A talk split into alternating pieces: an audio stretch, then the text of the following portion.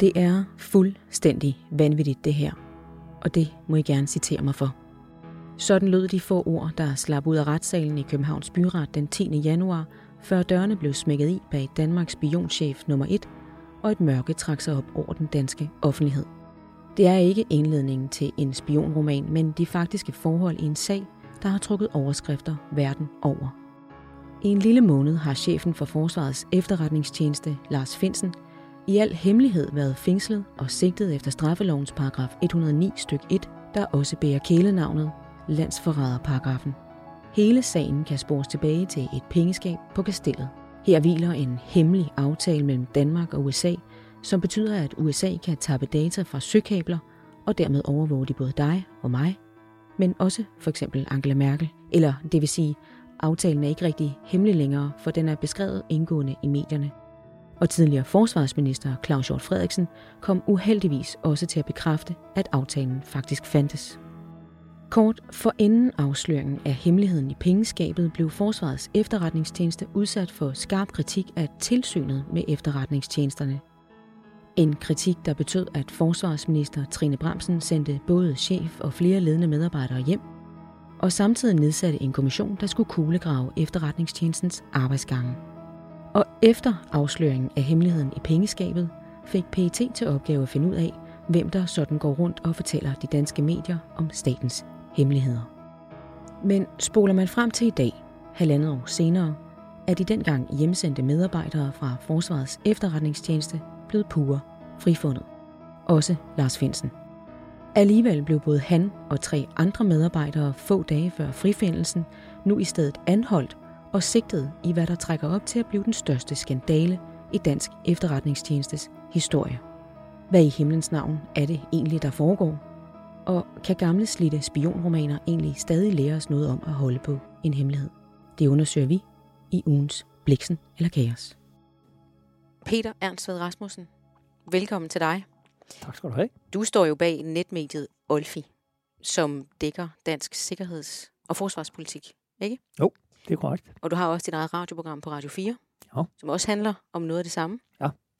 Øhm, på en skala fra øh, Watergate til måske øh, Jakob Scharfs bog, syv år øh, i PT, hvor er vi henne på øh, sådan skandale-skalaen her? Øh, altså hvis vi så går ud fra, at Jakob Scharf, det var en 1, og Watergate, det var 10, mm-hmm. så er vi på en øh, 8. Okay. 8,5, 9. Det er ret højt op. Ja. Øhm, ved siden af dig sidder jo Ask Hansen, som er en in-house specialist. Øh, han er skønlitterær. Øh, øh, måske også. I hvert fald er han øh, skønlitterær øh, redaktør på Gyldendal. Øhm, og øh, jeg tænker, at sådan en som dig, du må jo straks tænke, når du hører om sådan en sag her i medierne, det minder mig fuldstændig om den her spionroman. Eller hvad tænkte du? Altså det der jo, øh, det første der sker, er jo, at man øh, bliver opmærksom på, at der er så utrolig mange ting, man ikke ved.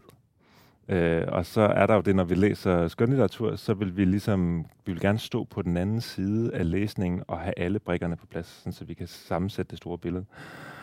Og jeg tror, det er lidt det samme øh, narrative begær, kunne man kalde det, der øh, er i spil her, at øh, det er så utrolig spændende, fordi der er så utrolig meget, man ikke ved, og så piger det ekstra meget, at øh, kommer sgu nok aldrig til at vide det hele. Mm. Jeg hørte uh, Bo Lidegaard i Deadline den anden aften, uh, helt uh, sådan meget firm sige, vi kommer aldrig til at vide det, og det var en stor skuffelse for mig. Ja. Det, det, jeg kunne næsten ikke holde ud. Det føles meget skuffende. øhm, Peter, Finsen han sidder jo lige nu, altså stadigvæk inde og brummer den. Øh, der er tre andre, der er sigtet, og så har vi en tidligere forsvarsminister, der også er sigtet. Øh, og som du lige sagde, vi ved jo overhovedet faktisk ikke rigtigt, hvad det her præcis drejer sig om. Men der er måske nogle ting, der peger i en retning. Hvad er ligesom din teori om, hvad det her det overhovedet handler om? Og, jeg vil sige, det er jo rigtigt, vi ved det ikke, fordi at vi ikke kender til sigtelserne, og, og øh, varetægtsfængslingen er foregået bag det, der hedder dobbelt lukkede døre, hvilket betyder, at ikke bare må vi ikke overvære selve retsmødet, vi må heller ikke høre sigtelsen. Det er det, der ligger i begrebet dobbelt lukkede døre. Og alligevel vil jeg jo våge at påstå, at selvfølgelig ved vi godt nogenlunde, hvad det drejer sig om. Og det drejer sig om, at øh, tilsynet med efterretningstjenesterne udgiver den her pressemeddelelse i august 20.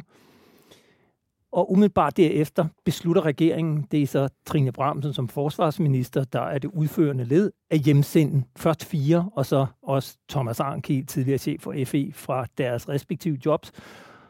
Og så bliver der jo nedsat en kommissionsundersøgelse, og, og, og da de bliver hjemsendt, der kan man sige, den meddelelse, pressemeddelelse fra tilsynet, det er jo nærmest sådan en, en smørbrødssædel til medierne, hvad man skal begynde at undersøge. For der er jo bliver rettet alvorlige anklager mod FE's ledelse for at øh, have spioneret mod danske borgere, have øh, brudt loven, ikke have øh, oplyst, givet korrekte oplysninger til tilsynet for at have det, de kalder en, en uh, uhensigtsmæssig legalitetskultur.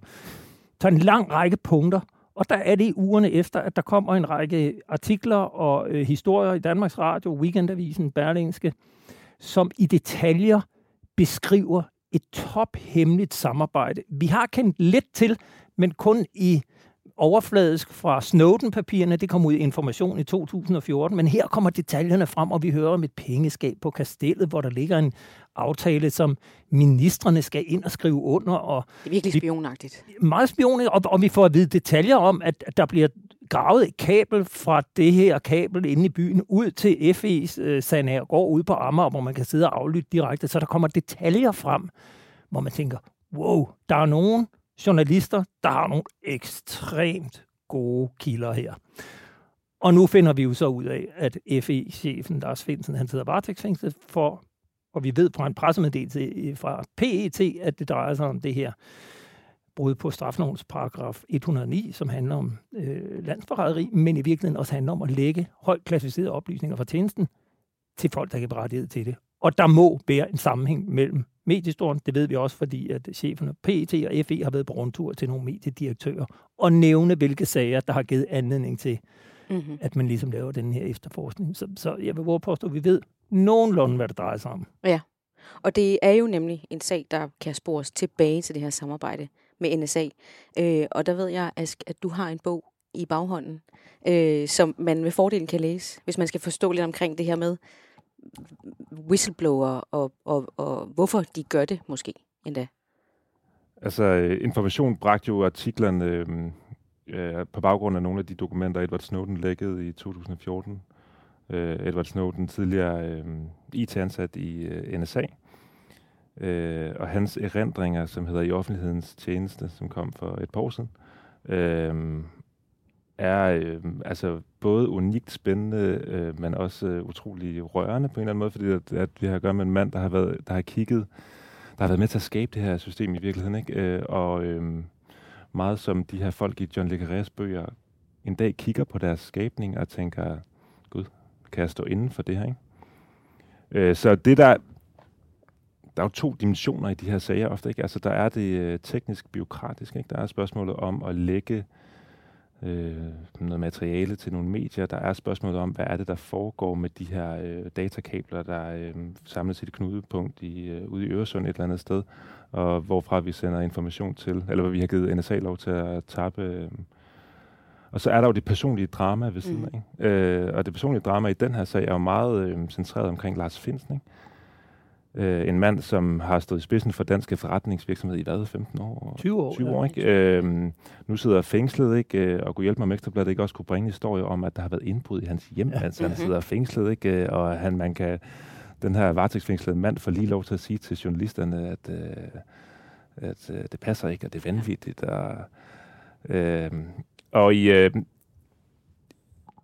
i, i spørgsmålet om, eller i sagen om Snowden, ikke? Altså, der har man jo den samme meget sådan, tekniske øh, dimension af det, som kan være svær at forstå. Ikke? Altså, den kan dels simpelthen være svær at forstå, fordi det handler om nogle lyslederkabler.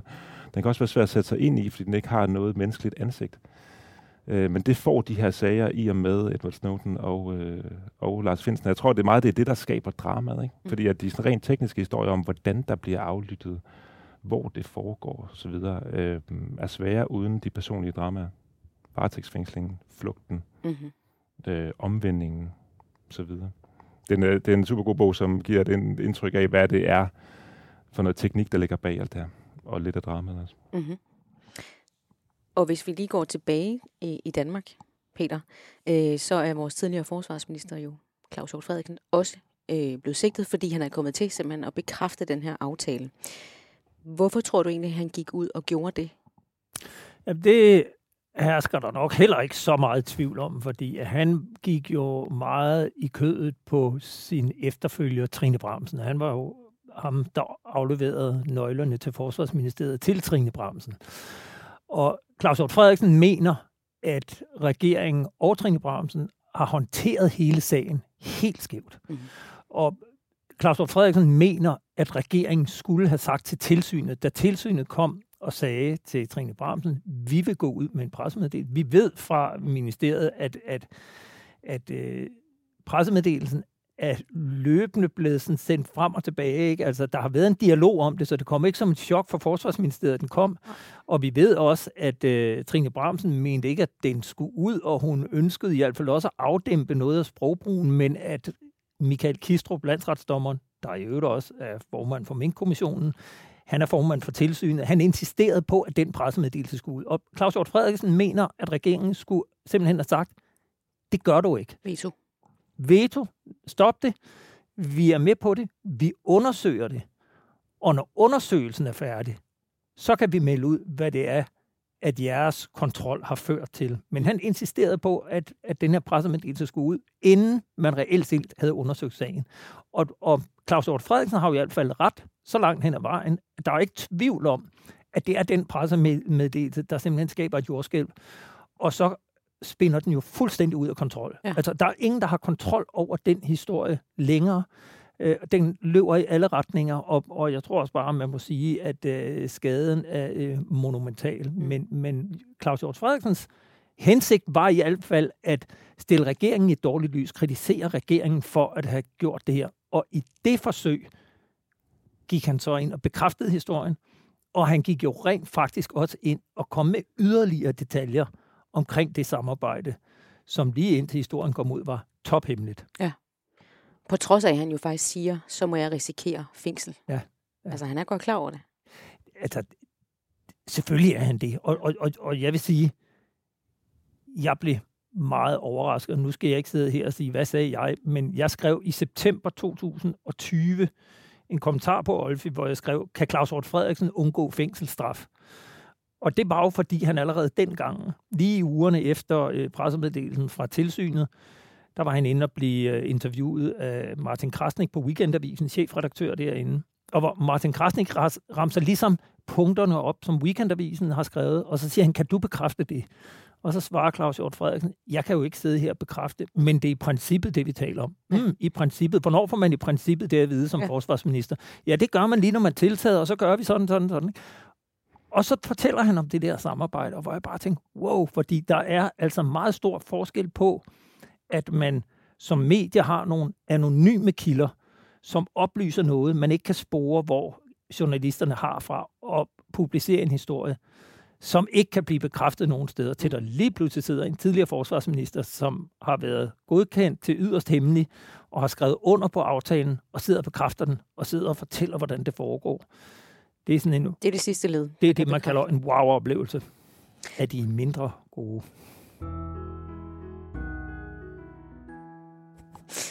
Alle gætter jo i den her tid. Du gætter lige knap så meget, men vi andre gætter lidt mere sådan amatøragtigt. Øh, men jeg synes også, det er okay at gætte, så længe det er kvalificeret gæt.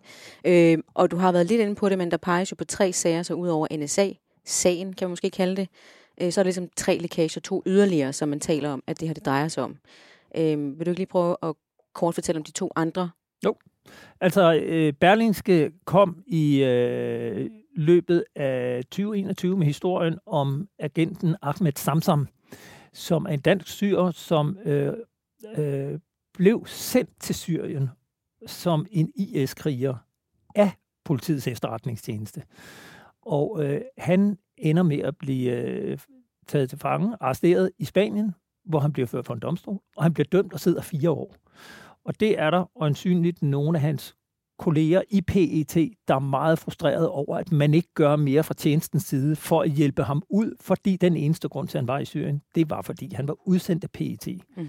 Øh, og, og det fremgår af artiklerne i Berlingske, at da man endelig får ham hjem til Danmark, der er aftalen, at han skal hjem og afzone videre i Danmark, men da han lander ude i lufthavnen, der er simpelthen nogle af agenterne ude og bare være ude i lufthavnen for at signalere over for ham øh, opbakning til ham. Og, og, og der er der jo i hvert fald en formodet mistanke om, hvor en eventuel lækage kunne komme fra, fordi der i tjenesten simpelthen var så stor frustration over, hvordan man behandlede ham.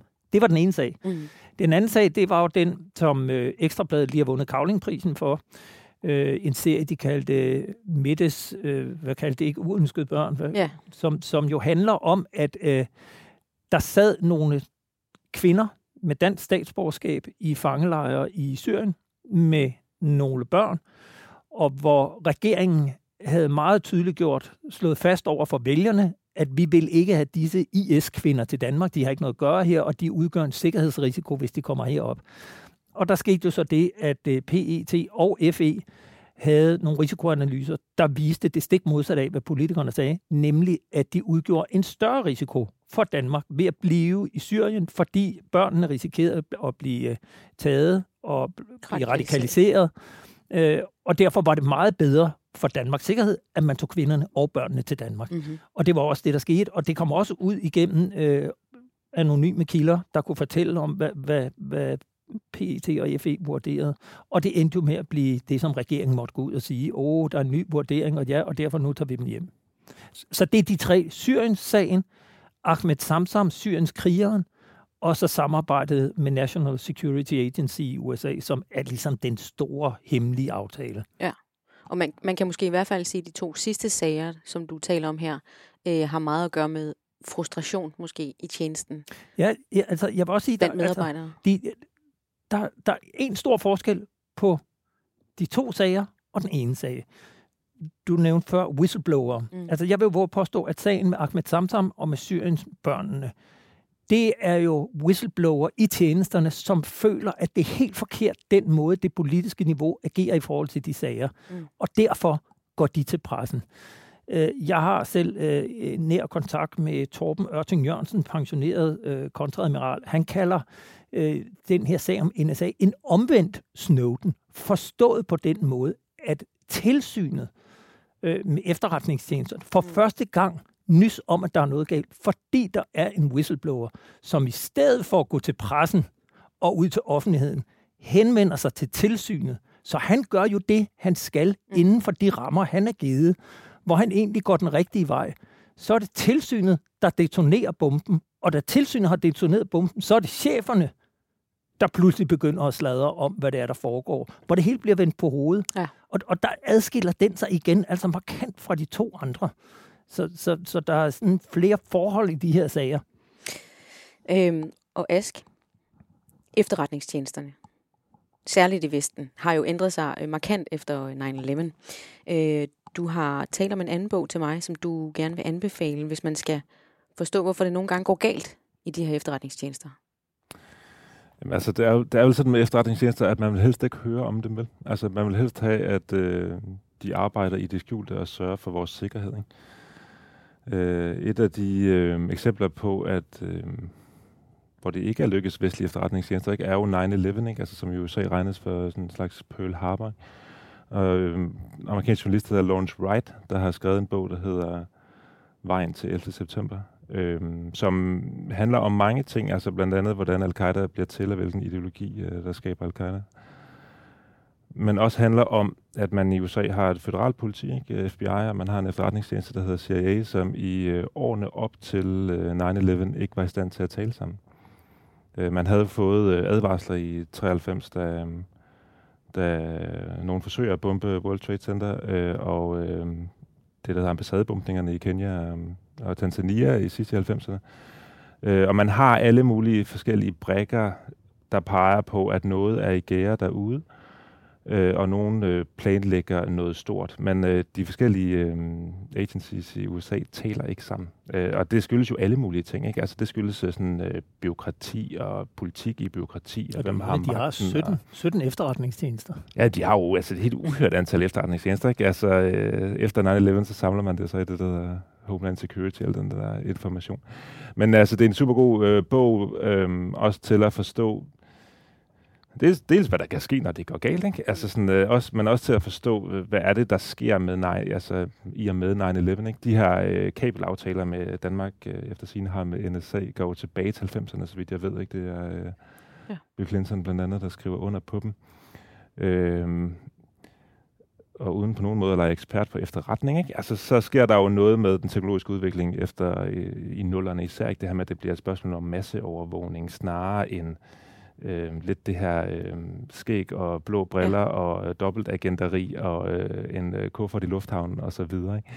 Øh, så øh, det er som om, at efterretningsarbejdet udvikler sig over mod noget mere teknisk efter 2001. Ikke? Og alligevel så kan jeg ikke lade være med at tænke, også når du fortæller, Peter, om øh, en, øh, et pengeskab inde øh, på kastellet, ikke? Altså, og når man kender historierne om øh, den danske PT-agent øh, Morten Storm og vi øh, hører historier om øh, russisk efterretningsvirksomhed, som er noget med gift i en kop te i et fly, og øh, nogle mænd i øh, en park i, i øh, Salisbury. Salisbury ikke?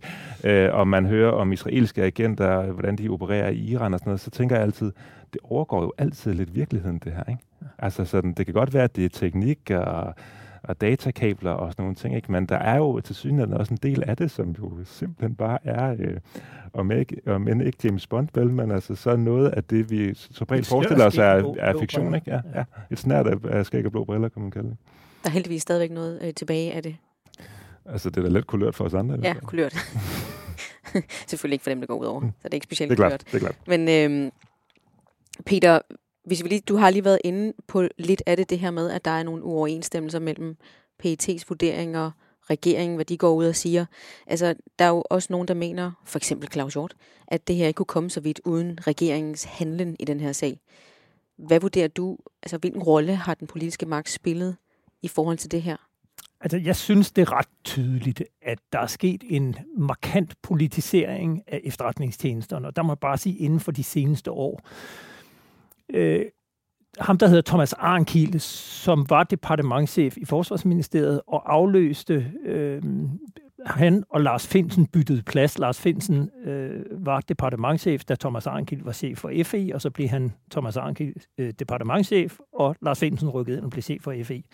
Thomas Arnkiel var den første civile chef for Forsvarets efterretningstjeneste. Og allerede der, det er tilbage i 2010, mener jeg da, der sker der et skifte i den måde, FE opererer på. Før det har øh, i hvert fald indtil 9-11, og vi får alle de her terror øh, forsøg mod Danmark, der har Forsvarets efterretningstjeneste været en militær efterretningstjeneste. Det er jo Danmarks udenrigs efterretningstjeneste, mm. hvor PET er indenrigs. Og der sker et skifte der, hvor man begynder at fokusere i udenrigstjenesten mere på terrorvirksomhed. Det vil sige, at man får flere politiopgaver ind i udenrigstjenesten, der ligger i FE. Man får en civil chef. Og her i de seneste 10 år kan man så se, hvem er det, der har afløst Lars Finsen, som i øvrigt har en fortid som chef for PET. Mm. Han er også øh, fra den civile verden. Nu den chef, fungerende chef i FE, han har en politimæssig baggrund. Øh, og samtidig kan vi se, hvordan at øh, i forbindelse med evakueringen fra Afghanistan, fra Kabul her i august måned, som jo, altså, jeg har jo sagt, at efterretningstjenesten jo ikke engang skød mod skiven, altså de skød i den modsatte retning af, hvor skiven stod. De ramte jo helt skævt. Seks dage før Kabul faldt, orienterer de udenrigspolitiske nævn om, at det er FE's vurdering, at det ikke er sandsynligt, at Kabul vil falde i 2021. Øhm, og der sker jo det kort efter, det lægger jo et kolossalt pres på regeringen, at, at, det, at det er kommet som så stor en overraskelse, hvor hurtigt det gik. Men kom det ikke som en overraskelse for alle? Det kan ja. du sige, men, men man kan sige, omvendt kan man bare læse, den danske styrkechef, de danske soldater blev trukket ud af Kabul i juni måned. Ham, den sidste danske styrkechef, han sender en rapport hjem i midten af juni, som nærmest fortæller, at Taliban står på vores tærskel mm. uden for byen. De har kontrol med vejen til Jalalabad. Altså, det er lige op over. Ja. Og alligevel så sidder man bare og tager på ferie, og både udenrigsministeren og forsvarsministeren kunne ikke, kunne ikke reagere, før de kom hjem fra sommerferie. Og, øh, det jeg bare vil sige, det er, han går ud og sender en pressemeddelelse ud, hvor han siger, vi tog fejl. Det tror jeg aldrig sket før omkring en, en operativ sag eller en operation, som FE har været involveret i, at FE påtager sig skylden. For skaden er dobbelt stor. Alle kan se, at de har fejlet, men i og med, at de også påtager sig øh, skylden, så mm. bliver det pludselig en del af et politisk magtspil. Og det, der jo bare er øh, de facto, det er, det var med til at fjerne noget af presset fra regeringen. Mm. Og man får i hvert fald mistanken om, at FE er mere ops på, hvordan vi gør regeringen glade, end vi laver det arbejde, vi skal. Og der er et andet forhold, som jeg synes, der er enormt vigtigt at få med her. Dengang det var Forsvarets efterretningstjeneste med en militærchef, der var chefen typisk en oberst, som øh, havde det som sin slutstilling. Han skulle ikke videre i karrieren. Og når man sidder i slutstilling, så tør man sige lidt mere, mm. end hvis der er en, der skal bedømme en til, at man skal videre i karrieren. Vi kan jo konstatere, at dem, der har været chefer efter den sidste militærchef, det har været karrierestillinger. Og hvis regeringen kan lide det, du gør som chef for FE, jamen så er det jo muligt, at du kan komme ind og blive departementchef i Forsvarsministeriet eller i Justitsministeriet. Eller, mm. øh, og, og det gør måske, at der er en større øh, lyst til at føje regeringen, end at komme med nogle oplysninger, som i virkeligheden går imod det, regeringen ønsker at høre. Og det synes jeg i hvert fald sender nogle klare signaler om, at der er, at der er sket noget, som udefra set ser meget usundt ud.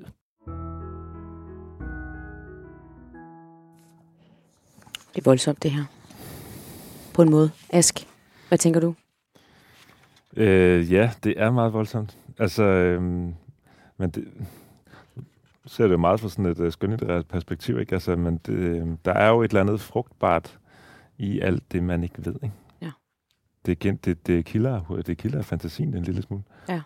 Øhm, og øhm, det er bare det her, det politiske spil. Altså, du, altså det, det er jo svært at, at finde ud af, hvem, hvem bestemmer hvad, hvornår. Altså, det virker jo som om i offentligheden, det er lidt svært for folk at finde ud af, hvem har sendt politiet afsted? Hvem bestemmer over den pressemeddelelse? Hvem, hvem, hvem sigter og alt sådan noget? Det synes jeg, der hersker en lille smule forvirring omkring. Jo, det, altså, hvis jeg ikke får afbrudt ja. op, men, men bare må tage over her, så kan man også sige, det der jo er så spektakulært i den her sag, det er, at vi ved jo nu, at man i PET har fundet ud af, at vi skal aflytte chefen for vores søstertjeneste over i FE.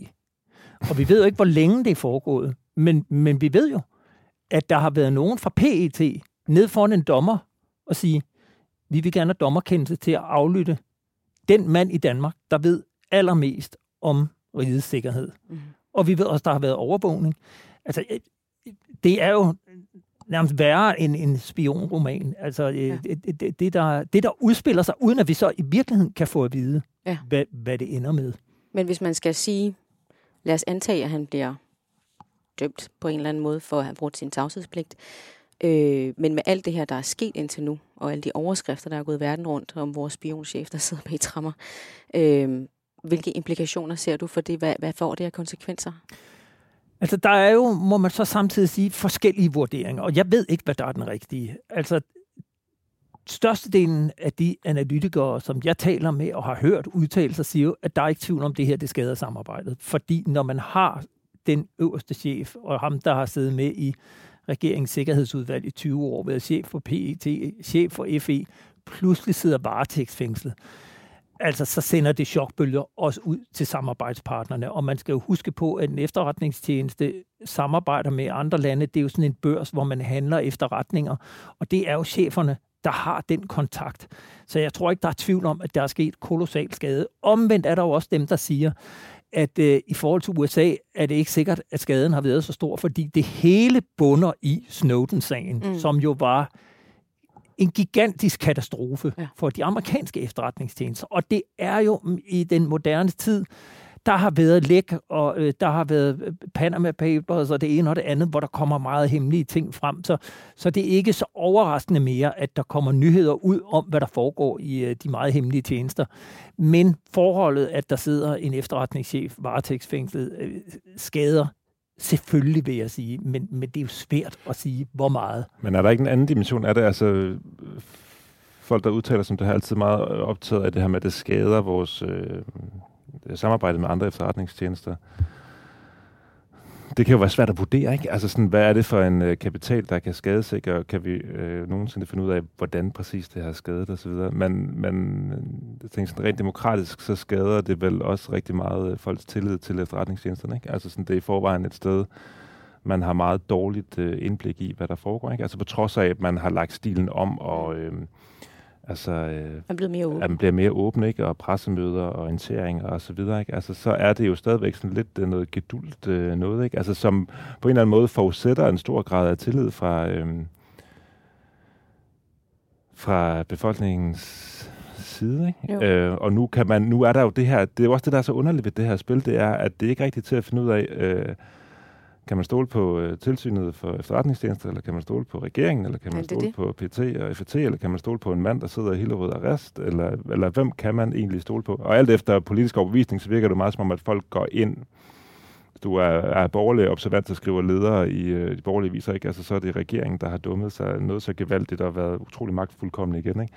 Og er du venstreorienteret systemkritiker, ikke, så er det her i virkeligheden den forkerte diskussion. Altså handler det, burde det i virkeligheden handle om den overvågning, der bedrives. Mm. Mm. Øhm, så det er jo, altså, det er svært at finde rundt i, ikke? Det er meget svært at finde rundt i. Og man kan godt øh, længes tilbage til de gode gamle koldkrigsdage øh, med de gode gamle spionromaner. Og det øh, gør Søren Ulrik Thomsen også. Han har endda skrevet en tekst, der hylder de her romaner. Den hedder Honningfælder, og jeg læser lige øh, noget op. Jeg elsker spionromanerne fra den kolde krig. Den mærkeligt fascinerende tristesse, man finder i romaner, hvor solen aldrig skinner. Romaner, hvor man ikke skal kede sig med vira og nanoteknologi og hacker og industrispionage og al-Qaida-terrorister, men hvor det vrimler med herlige ord som døde postkasser, honningfælder og sovende agenter. Altså, Ask, bare lige her til sidst. Kan de her slitte gamle, den her, de er ikke slitte, dem der ligger foran os, men de gode gamle koldkrigsromaner, kan de stadigvæk lære os noget om spionverdenen i dag? Altså det kan de muligvis, og øh, Søren Ulrik Thomsen har jo ret i mange ting, men øh, jeg synes faktisk, at der er nogle interessante eksempler på, hvordan man også kan få utrolig spændende fiktion ud af noget, der er øh, teknisk.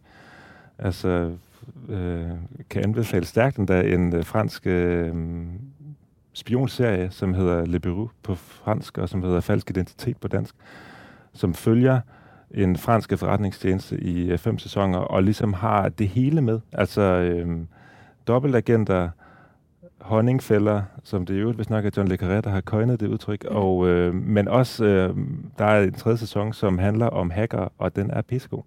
Og man tænker ellers, kan det lade sig gøre at lave noget med hacker, der er rigtig spændende? Og det kan det faktisk, fordi at det, øh, hvis man går ind i de personlige dramaer i de her ting, så, øh, så er alt spændende. Mm-hmm.